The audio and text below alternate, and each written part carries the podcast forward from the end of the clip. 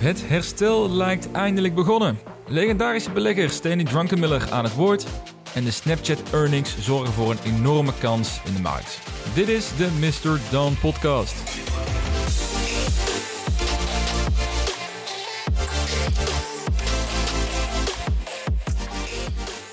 Eindelijk kunnen we een aflevering starten met een positieve vibe. Want de Nasdaq maakte 18 mei nog een flinke duik naar beneden. Maar vanaf dat moment is eigenlijk best een sterk herstel ingezet.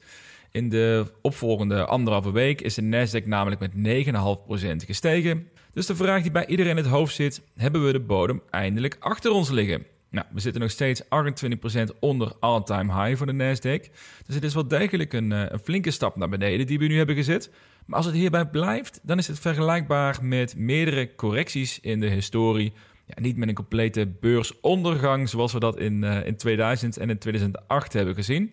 En dat is ook het scenario waar ik het de vorige week over had in deze podcast. Dat de cijfers in ieder geval lijken te suggereren dat een correctie van zo'n 35%, zoals we die nu hebben meegemaakt, ja, dat dat aannemelijker is dan dat we nog een stevigere daling krijgen zoals we dat in, de, nou, in 2000 en 2008 hebben meegemaakt.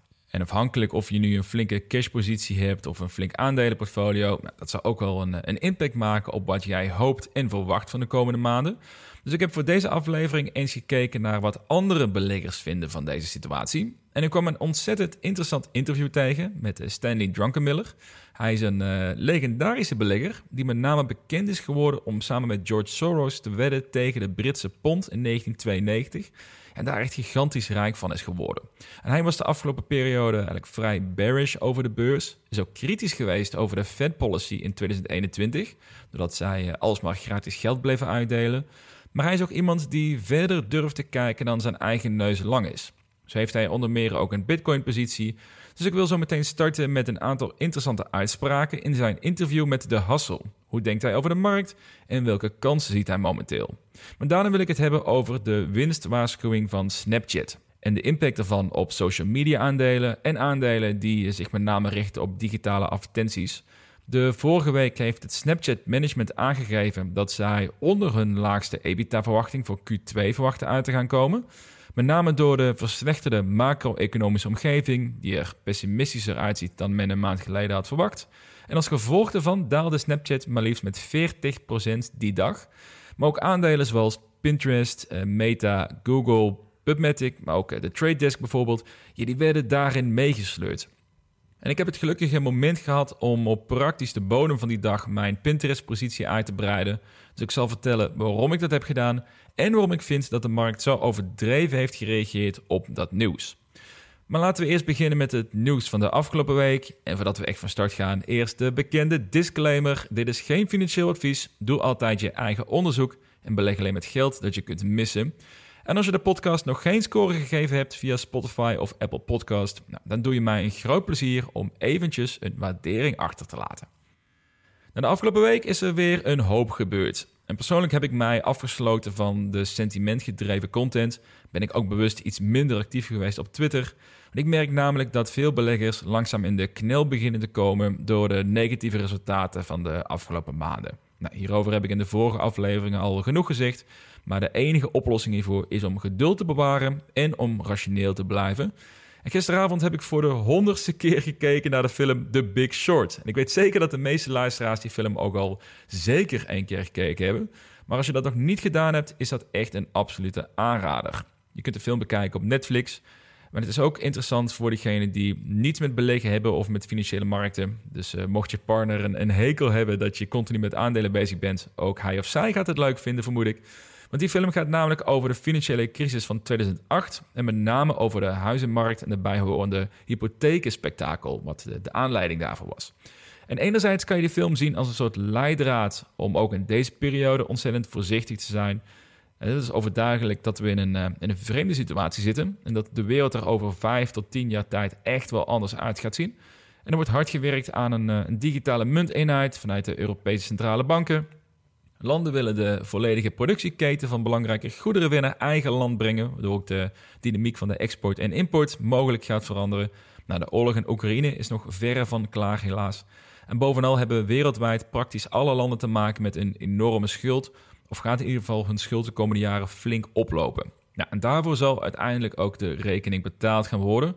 Ja, zonder hier een verhaal op te gaan hangen over eh, de zogeheten The Great Reset of andere doemdenkscenario's, wil ik alleen mijn gevoel overbrengen dat we simpelweg in een onrustige periode leven. En onrustige periodes die zorgen voor verandering. En nu waren er in 2008 nog geen grote onzekerheden zoals die er nu zijn. Er was geen oorlog toen, geen supply chain problemen. Uh, maar toen stonden vooral de banken enorm onder druk. En dat is nu niet het geval, in ieder geval zeker mindere mate. Ze zijn veel meer solide dan toen. Maar we hebben vooral onze eigen problemen in deze periode. Maar goed, waarom vertel ik dit en waarom heeft dit te maken met de film The Big Short? Nou, wat mij het meest is bijgebleven van die film toen ik het gisteren naar, naar was aan het kijken, is dat terwijl de massa aan het feesten is en zich laat verleiden door verhalen over enorme welvaart en luxe, dat er een kleine groep kritische denkers zijn die rationeel naar de situatie hebben gekeken, een stelling hebben ingenomen en getoetst en daar vol voor zijn gegaan door te wedden tegen de Amerikaanse huizenmarkt. En zij hadden inhoudelijk gelijk, maar wat was nou het geval? Niemand geloofde in hun standpunt en het duurde uiteindelijk ook veel langer dan verwacht voordat een stelling uiteindelijk ook zorgde voor rendement. En er is ook een periode in die film eh, dat zij weten dat ze gelijk hebben en dat ze de juiste bed hebben gemaakt. Dat de cijfers ook aantonen dat ze gelijk hebben, dat de hele markt in elkaar gaat, eh, gaat storten. Maar dat de investeringen alsnog dalen doordat de banken en de financiële instellingen eh, elkaar de hand boven het hoofd houden. En pas op het allerlaatste moment, wanneer het kwaad is geschiet, wanneer de bubbel is gebarsten, pas op dat moment krijgen de hoofdrolspelers in de film ook de financiële waardering voor hun inzet. Nou, waarom vind ik dit nou zo'n relevant verhaal uit deze film? Allereerst omdat het ontzettend lastig is om een mening te hebben die afwijkt van de massa. Het is een sociaal verdedigingsmechanisme dat we allemaal graag bij een groep willen horen, omdat we daardoor eh, betere kansen hebben om te overleven. En tegelijkertijd is het ook veiliger, want mochten we ongelijk krijgen, nou, dan ben je niet de enige, maar dan zat de hele groep fout. Dus we kiezen vaak voor het sentiment van de massa. En in deze context zou het gaan om een bearish sentiment, want in de Big Short gaat het om een wet tegen de economie. Maar het zou ook kunnen werken bij een meer bullish sentiment. Want we mogen best stellen dat beleggers momenteel ontzettend pessimistisch zijn. En deze aanname die ik nu doe, die wordt ondersteund met cijfers. Want voor het eerst in 2008 zijn er meer fondsen netto short op tech-aandelen dan dat ze long zijn. En dat is iets van de afgelopen paar maanden. En sterker nog, de short interesse in tech is momenteel zelfs hoger dan tijdens het dieptepunt van 2008. En dat zien we ook in het onderzoek van Goldman Sachs, dat er een enorme herbalancering heeft plaatsgevonden van groeisectoren zoals tech naar meer traditionele value sectoren zoals banken en energie. Nou, welke conclusie kunnen we hier nu uittrekken? Allereerst dat het uh, onverstandig is om nu jouw tech-aandelen in te ruilen voor energie- of defensieve aandelen, want die switch is al lang gemaakt. Dus als je dat nu gaat doen, dan loop je eigenlijk achter de massa aan en dat is vragen om problemen. Tenzij je denkt dat veel eh, techbedrijven failliet zullen gaan in de komende jaren, zoals dat in 2000 het geval was. Maar dat is een zeer onwaarschijnlijk risico. Maar, maar dat is één conclusie die je kan trekken. De tweede conclusie is dat short posities een korte termijn strategie zijn. Je betaalt namelijk iedere dag om die short positie open te houden. En dat rendeert prima als de markt stevig blijft dalen. Maar als de markt herstelt of zelfs stabiel blijft, ja, dan kost het echt klauwen met geld. Dus het is niet iets wat fondsen langdurig kunnen volhouden. En dat zie je ook terug in de cijfers. Want vanaf 2002 tot nu, dat is een periode van 20 jaar, zijn ongeveer 90% van die tijd zijn de fondsen netto long geweest op tech in plaats van short. Dus het zijn hele korte periodes waarin dit soort short posities aangehouden kunnen worden.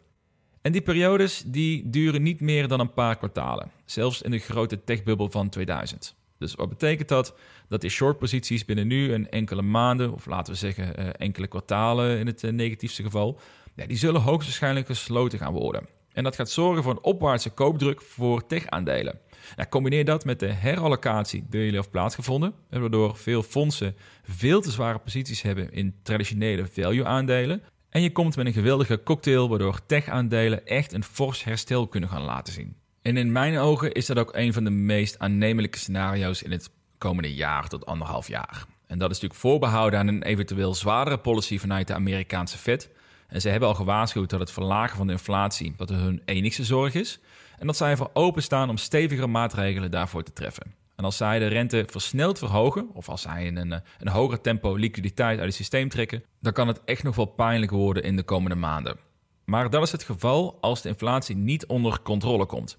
En interessant genoeg blijkt nu eindelijk dat de inflatie aan het afnemen is. Of aan het afremmen moet ik eigenlijk beter zeggen. En dat is voor het eerst sinds vele maanden.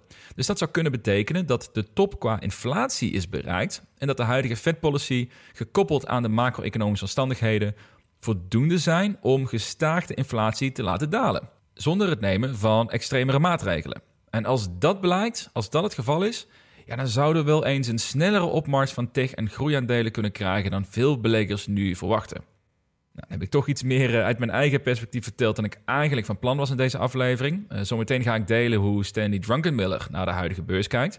Maar ik heb nog twee korte nieuwsitems om te bespreken voordat we, voordat we daar naartoe gaan. Uh, eerst een leuk nieuwtje, dat de Mr. Don website is vernieuwd. De afgelopen maanden kon je daar eigenlijk alleen de podcastafleveringen vinden. Maar nu zijn er ook artikelen te vinden over uh, aandelen, crypto, NFT's en startup investing. Van zowel uh, handige guides over hoe jij eenvoudig een crypto wallet kan openen. Of welke startup investing websites een aanrader zijn. Maar ook korte artikelen over beleggen, uh, over actuele ontwikkelingen en korte fair value analyses.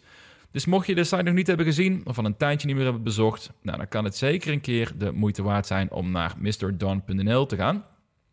En het laatste nieuws van de afgelopen week, of eigenlijk meer een gedachtegang, die ik ook al heb toegelicht op die Mr. Don website in het artikel, dat is de potentiële overname van Netflix.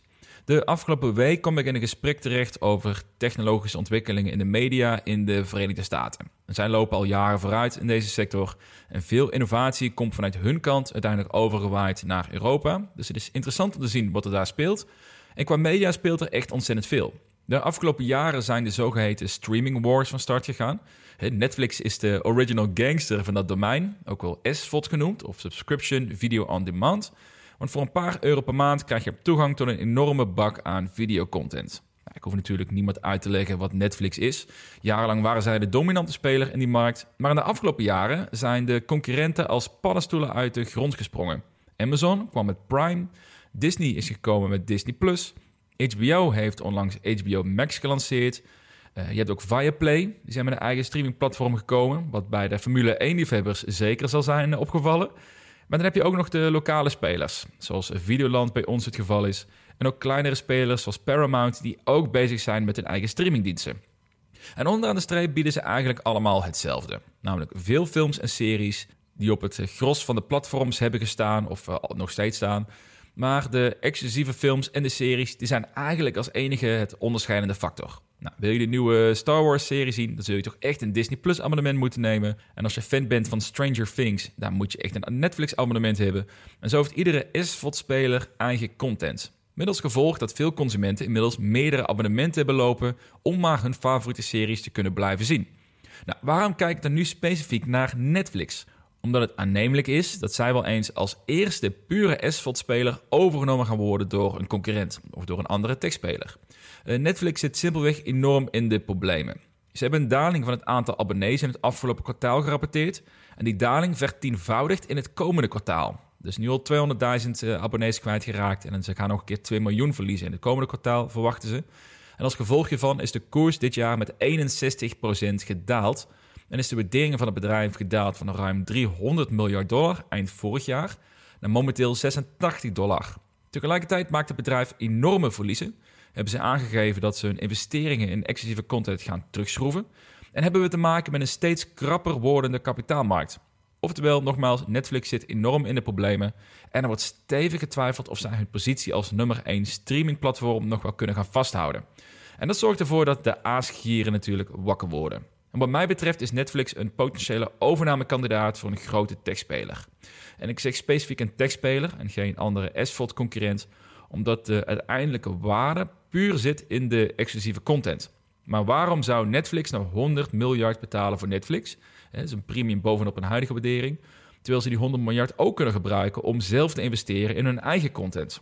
De 220 miljoen abonnees die Netflix heeft, die zal een partij zoals Amazon namelijk niet 100% gaan overnemen. Want veel abonnees hebben een abonnement op zowel Netflix als Amazon Prime.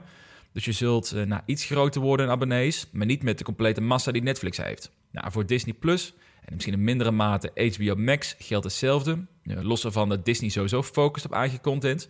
Dus ik zie zo'n overname niet heel snel gebeuren. Ondanks dat Amazon en Disney wel echte financiële middelen daarvoor hebben, omdat die bedrijven ook gewoon diverse inkomstenstromingen hebben met een positieve cashflow. Dus zeg nooit nooit, ze zouden het kunnen doen in theorie, maar ik schat de kans wel klein. Persoonlijk verwacht ik eerder dat een Google of een Meta interesse zouden kunnen krijgen. Dat zijn namelijk twee advertentiegedreven mediabedrijven. En Netflix zou kwalitatieve longform videocontent toevoegen aan hun arsenaal. Google heeft met YouTube al een eh, ontzettend populair videokanaal, maar YouTube Premium komt niet van de grond. En de content daar is met name door onafhankelijke makers met toch best wel veel huis, tuin en keukencontent. En Meta heeft met Facebook wel een platform, en met Instagram natuurlijk ook, eh, waar video's geplaatst kunnen worden, maar geen eigen content. En bovenal weinig kwalitatieve content. Dus Netflix zou ook hun aanbod daar completer in gaan maken. En ook dit zijn twee bedrijven met een enorme cashflow. Google maakte vorig jaar een netto winst van 76 miljard dollar, bijna de complete waardering van Netflix. Dus voor hen is het geen enkel probleem om tot een overname te gaan. En eh, Facebook of Meta deed 40 miljard netto winst, dus ook daar geen enkel probleem als je kijkt naar de financiële middelen. En strategisch zou het voor beide hele interessante overnames zijn, eh, los ervan of de autoriteiten dat zouden goedkeuren. Maar linksom of rechtsom, eh, Netflix zit in een lastige positie. En als ik nu zou willen speculeren op een aandeel, dan zou Netflix wel één van de aandelen zijn om waar ik een positie in zou willen openen bij de huidige waardering. Hopend op een overname in de komende 12 maanden voor een 30 à 40 procent premium op de huidige prijs. Dus dat is denk ik een interessant iets om de komende tijd in de gaten te gaan houden. Nou, tot zover de ontwikkelingen van de afgelopen week. Stiekem ook best, eh, best veel om te bespreken. Terwijl eigenlijk het eerste onderwerp van deze aflevering zou gaan over het interview met eh, Stanley Drunkenmiller. Dus uh, laten we daar nu maar meteen mee, mee verder gaan. Want we zitten denk ik al halverwege deze aflevering. En dat terwijl ik verwachtte weinig nieuws kunnen vertellen deze week. Dus dat valt uh, wel behoorlijk mee. Uh, we gaan door naar het volgende onderwerp. Wat je ook wel een verlengde mag noemen van het eerste onderdeel van deze aflevering. Namelijk hoe de markt beschouwd wordt door een van de meest bekende Amerikaanse beleggers, Stanley Drunkenmiller. En ik zei al kort in de introductie, hij is al een tijdje bearish over de beurs. Heeft ook al uh, regelmatig uitgesproken dat hij voorziet dat we in een zogeheten everything bubble zitten. Van aandelen tot huizen, crypto, uh, eigenlijk alles dus. Maar in tegenstelling tot veel permanent pessimistische beleggers kan ik Drunkenmiller eigenlijk wel waarderen. Met name omdat hij vaak een rationele blik heeft op de markt, zijn mening ook durft bij te stellen en ook mee durft te gaan met de tijd door onder meer een, eh, een Bitcoin-positie aan te houden. En de afgelopen week kwam ik een interview van hem tegen in The Hustle. Ik zal het complete interview in de show notes zetten, zodat je die eh, zelf kunt lezen. Zeker een aanrader, want het is echt een interessant artikel. Maar het leek mij interessant om een aantal punten uit te lichten in deze aflevering.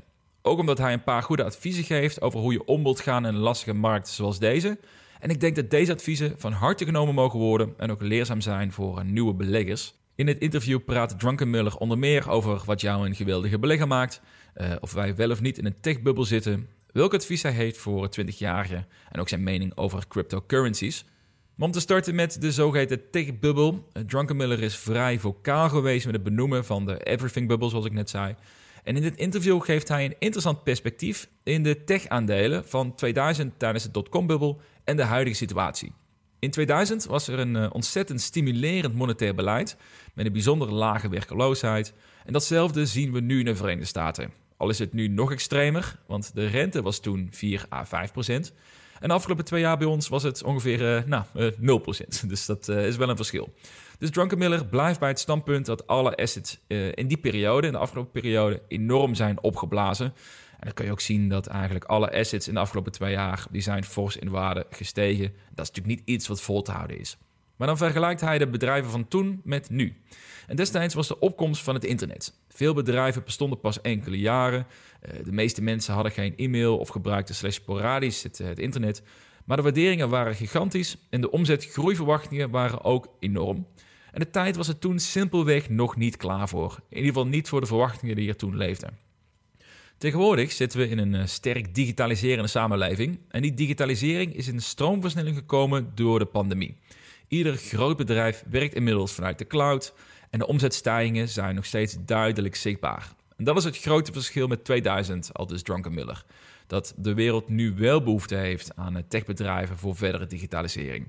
Hij geeft aan dat veel bedrijven nog steeds nu een stevige waardering hebben, maar door de afgelopen maanden is dat wel fors gedaald. Twee maanden geleden waren veel software-as-a-service bedrijven, zoals een Datadog en de Snowflake, nog gewaardeerd voor 50 keer de omzet of soms zelfs meer. Inmiddels is dat meer, als je kijkt naar gemiddelde van dat soort type bedrijven, meer richting de 10 à 25 keer de omzet getrokken. Ja, nog steeds ontzettend fors, maar dat is een waardering waar volgens Drunkenmiller de goede bedrijven makkelijk naartoe zullen groeien in de komende 3 à 4 jaar. Dus ja, er is een techbubbel, maar niet te vergelijken met 2000. En in tegenstelling tot toen is er nu wel de potentie voor bedrijven om in hun waardering te groeien. Maar als je nu koopt, dan zul je wel geduld moeten hebben eh, volgens hem. Maar uh, dus een overal geen scenario waarin je uh, je geld grotendeels kwijt gaat raken, zoals de bubbel, zoals dat uh, toen het geval was. En dat is hoe Drunkenmiller denkt over tech-aandelen. Wat ook interessant is om te horen, is hoe hij de zogeheten megacaps in tech beschouwt. Amazon vindt hij namelijk prima gewaardeerd op dit moment. Net zoals andere aandelen, zoals eh, Google, Facebook onder andere. Het andere uh, FANG of hè? hoe je dat uh, F-A-A-M-G aandelen. Netflix is er helaas uitgeknikkerd de laatste periode, vervangen door Microsoft. En hij beschouwt dat nu eerder als redelijke value aandelen dan als onderdeel van een eventuele techbubbel. Ook heeft hij het over welke van deze bedrijven als eerste 5 biljard dollar waard zullen worden. En opvallend is dat hij eigenlijk niet zo'n hoge pet op heeft van Apple omdat zij met name een hardwarebedrijf zijn met een service component. Waarbij de 30% fee die zij rekenen op veel van de services ja, niet helemaal houdbaar lijkt, al dus Drunkenmiller. En in zijn ogen zijn Amazon en Microsoft veel redelijker met een prijsbeleid. Vandaar dat hij verwacht dat Amazon het eerste bedrijf gaat zijn die 5 biljard dollar waard wordt. En Microsoft het tweede bedrijf. Met als outsider eventueel Google, mits zij worden opengebroken door door de overheid omdat hij het search-onderdeel van Google het beste bedrijf vindt wat hij ooit heeft gezien. Dus dat is denk ik wel ook een hele interessant, een interessant uitgangspunt om uh, verder in de gaten te houden. En dat zou best wel eens kunnen gaan gebeuren dat Google moet gaan opbreken in de komende jaren. Net zoals uh, misschien uh, andere tech-aandelen of techbedrijven dat ook van hun verwacht gaat worden. Daarnaast heeft Drunken Miller het over de strategie als beleggers. En persoonlijk vind ik dit een van de meest interessante onderdelen van het interview. met name omdat we dezelfde overtuiging hebben in onze strategie.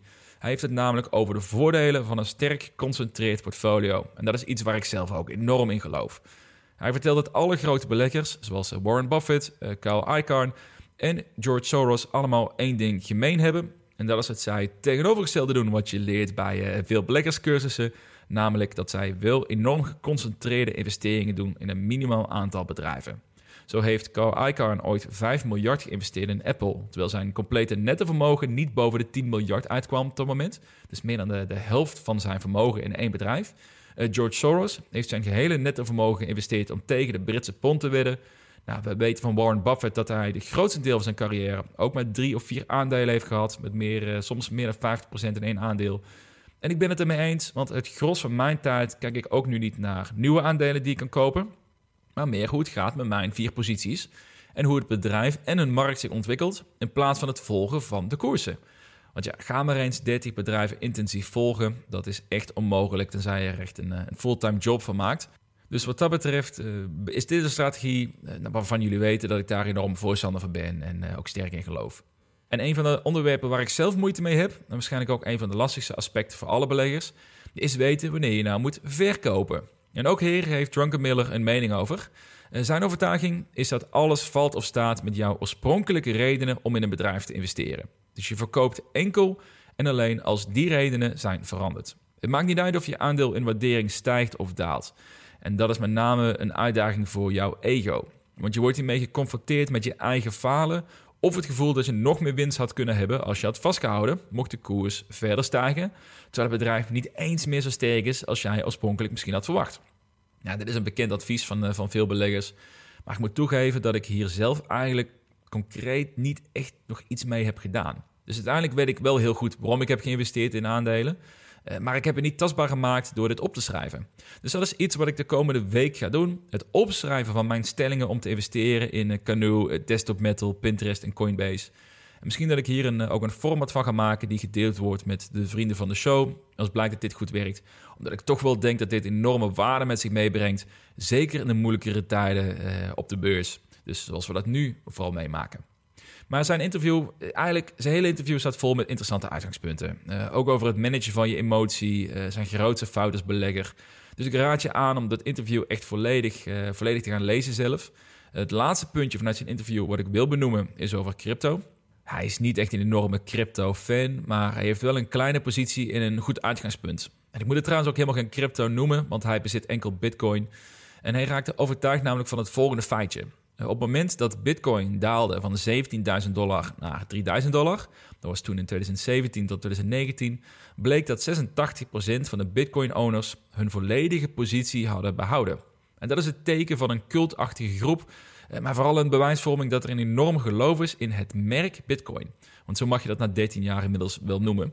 En gecombineerd met het feit dat er maximaal 21 Bitcoins ooit zullen bestaan, of 21 miljoen Bitcoins natuurlijk, eh, maakt dit wel een bijzondere asset. Uiteindelijk heeft Drunken Miller een groot deel van zijn positie verkocht, omdat hij eh, makkelijker goud kon kopen, waar hij inmiddels wel spijt van heeft. Want hij kocht Bitcoin op 6.500 dollar. Maar hij geeft aan dat hij geen ultieme Bitcoin-gelover is geweest, maar wel dat hij Bitcoin als een, uh, met een enorme toekomst voor zich ziet. En ook steeds meer bedrijven Bitcoin gaan accepteren als betaalmiddel. En dat vind ik eigenlijk wel tof om te horen dat iemand met zijn ervaring en die al zo lang meeloopt en eigenlijk met name zeg maar, echt op harde assets investeert, uh, toch het, het, risico durft te lopen of durft na te denken over wat de impact kan zijn van Bitcoin in, in de toekomst. Uh, hij is er misschien geen enorme boel, maar hij heeft het wel geprobeerd en hij ziet wel de voordelen daarvan. En ik denk zelf ook dat Bitcoin, maar ook vooral crypto in de breedte, echt wel een toekomst heeft. En nou, met name dat ik zelf ook die positie zal gaan opbouwen in de komende maanden. Wat ook interessant is om te horen, al mag je dat niet helemaal als zijn expertise beschouwen, is dat hij Ethereum juist ziet als de Yahoo of de MySpace van de crypto scene. Dus een early mover die uiteindelijk vervangen gaat worden door betere technologie. Nou, ik weet er inhoudelijk te weinig vanaf om hier uh, over de technologie iets van te vinden. Maar ik kan me zijn vergelijk wel voorstellen. Uh, persoonlijk heb ik veel geld verdiend met Ethereum. Maar ook mijn voorkeur gaat nu uit naar andere projecten. En als laatste over Dogecoin. Dat vindt hij behoren tot de grootste onzin die er momenteel bestaat in de financiële markten. Er zit geen technologie achter. Er is online voorraad. En is eigenlijk puur een kwestie van wie er meer voor wilt betalen. Nou, persoonlijk heb ik ook een, eh, sterke hekel aan Dogecoin en aan Shiba Inu en dat soort soortgelijke munten. Dus ik denk dat uh, Stanley Drunkenmiller steeds meer mijn spirit animal begint te worden naarmate ik het interview uh, van hem heb gelezen. Dus overal echt een interessant interview om te lezen. ik heb nu een paar, snel een paar punten uitgelicht, maar het is echt de moeite waard om alles te lezen. En de link staat dus in de show notes. Dan hebben we het gehad over beursontwikkelingen. We hebben het gehad over de potentiële overname van Netflix, een nieuwe Mr. Dawn website, Drunkenmiller interview. We komen eigenlijk al dicht bij het einde van de aflevering, maar ik kan het niet laten om toch nog even te praten over Snapchat als laatste onderdeel van vandaag. En dan met name over de collateral damage die het heeft aangebracht bij vergelijkbare aandelen. Dus even terug, Snapchat daalde afgelopen dinsdag met maar liefst 43%. De reden hiervoor is dat het management heeft aangekondigd dat hun EBITDA voor Q2 onder hun laagste forecast uit zal komen. Want door verslechterde macro-economische omstandigheden wordt het bedrijf sterker geraakt dan zij enkele weken geleden hadden voorspeld. Dus vandaar dat zij vroegtijdig al met een waarschuwing komen. Met daarbij wel de opmerking dat zij voor de langere termijn nog steeds een sterke groei zien, dus dat dit met name impact heeft op de korte termijn. En met name dit laatste puntje is ontzettend belangrijk om te beseffen. Ik heb al vaker genoemd in deze podcast hoe je als lange termijn belegger kan profiteren op de beurs. En de kans zit er met name in dat veel fondsen, maar ook veel retailbeleggers, met name kijken naar korte termijn rendement, en met name reageren op de koers en niet weten wat ze bezitten. Ja, dat standpunt wordt nu nogmaals bevestigd. Snapchat verloor 16 miljard dollar aan waarde op de verwachting dat hun EBITDA één kwartaal iets lager gaat zijn. En dat is echt buitenproportioneel. Als dat de reden is waarom een aandeel sterk zou dalen, ja, dat vind ik bijna lachwekkend. Maar daarmee dus ook een enorme kans voor uh, nou, slimme lange termijn beleggers.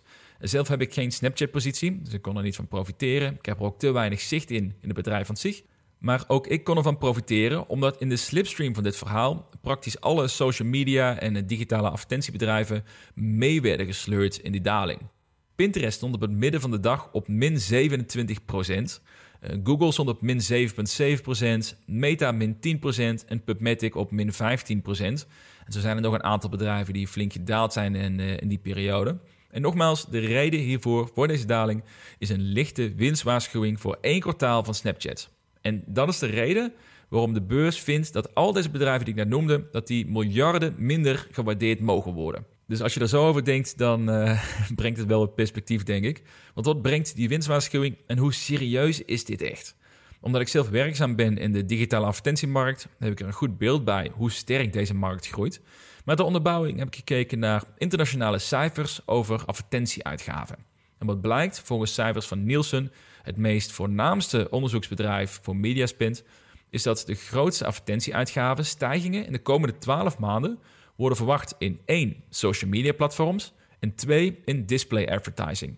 En dit zijn de twee markten waar deze bedrijven die ik net genoemd heb met name actief in zijn.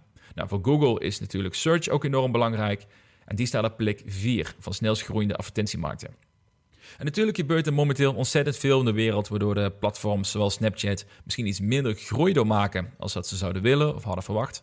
Maar ja, uit dit soort cijfers blijkt nogmaals dat het echt een korte termijn issue zal zijn. Er is geen enkele reden voor een bedrijf zoals Snapchat om 40% te dalen. En zeker niet voor bedrijven zoals Google, PubMatic of Pinterest om zo'n klapper te maken. En uiteindelijk kwam de markt ook tot dat inzicht. Want vanaf het dieptepunt in die dinsdagmiddag, het, uh, de bodem van het sentiment zullen we maar zeggen, herstelde Google zich volledig met 9,5% in de opvolgende dagen, waardoor het zelfs over de gehele week met 2,5% is gestegen. Uh, PubMatic steeg 15% vanaf dat moment, vanaf dus die dinsdagmiddag. Meta herstelde zelfs 10% en eindigde de week break-even. En Pinterest herstelde zich met maar liefst 25%. En persoonlijk ben ik een enorme liefhebber van dit soort waanzinnige momenten. Uh, omdat het kansen biedt die de gesproken niet krijgt. En dat ik dan ook heel veel berichten krijg op Twitter met wat, wat de hel ga jij doen met Pinterest. Uh, want Pinterest daalde afgelopen dinsdag naar bijna 16 dollar, een nieuw dieptepunt. En ik heb een moment aangegrepen om meer aandelen te kopen. En dit heeft nu al 22% rendement gebracht in een paar dagen tijd. Maar vooral mijn gemiddelde aankoopprijs is verder laten dalen. En dit zijn de momenten waar je als belegger echt op wilt letten. En waarbij je dus vooral rationeel wilt blijven. wat is nou de reden van deze koersdaling? Is dat nou terecht of niet? En op Twitter, ik zei al, kreeg ik al een, een hele bak aan vragen en aan privéberichten met wat ik ging doen hiermee. Ik ging Pinterest nou verkopen door dit signaal, want eh, de markt zou instorten van eh, social media bedrijven. En als ik Pinterest niet zo goed had begrepen, dan had ik misschien wel verrast kunnen worden door de koersdaling en uit angst kunnen verkopen. Maar dan wil ik toch refereren naar het interview met Stanley Drunkenmiller over de voordelen van een geconcentreerd portfolio. Dit is zo'n voordeel. Want ik ben blij dat ik extra Pinterest-aandelen heb kunnen kopen bij deze waardering. En het kostte mij ook geen enkele moeite, omdat ik gewoon weet wat Pinterest aan het doen is en hoe een toekomst eruit ziet. En als jij Snapchat-aandelen bezit of een ander social media of digitaal advertentiebedrijf, dan zou ik mij echt geen zorgen maken over de toekomst van je aandeel. En ik hoop ik dat jij ook hebt kunnen profiteren van deze waanzinnige, zo mag ik het wel noemen, waanzinnige koersdaling. Nou, dit was een, uh, toch een iets langere aflevering dan ik zelf had verwacht. Gevarieerde onderwerpen ook, dus hopelijk vond jij het ook een leuke aflevering. Check vriendvandeshow.nl slash Mr. als je mij wilt steunen. Geef de podcast een waardering in de Spotify of Apple podcast app. Dankjewel voor het luisteren en graag tot de volgende week.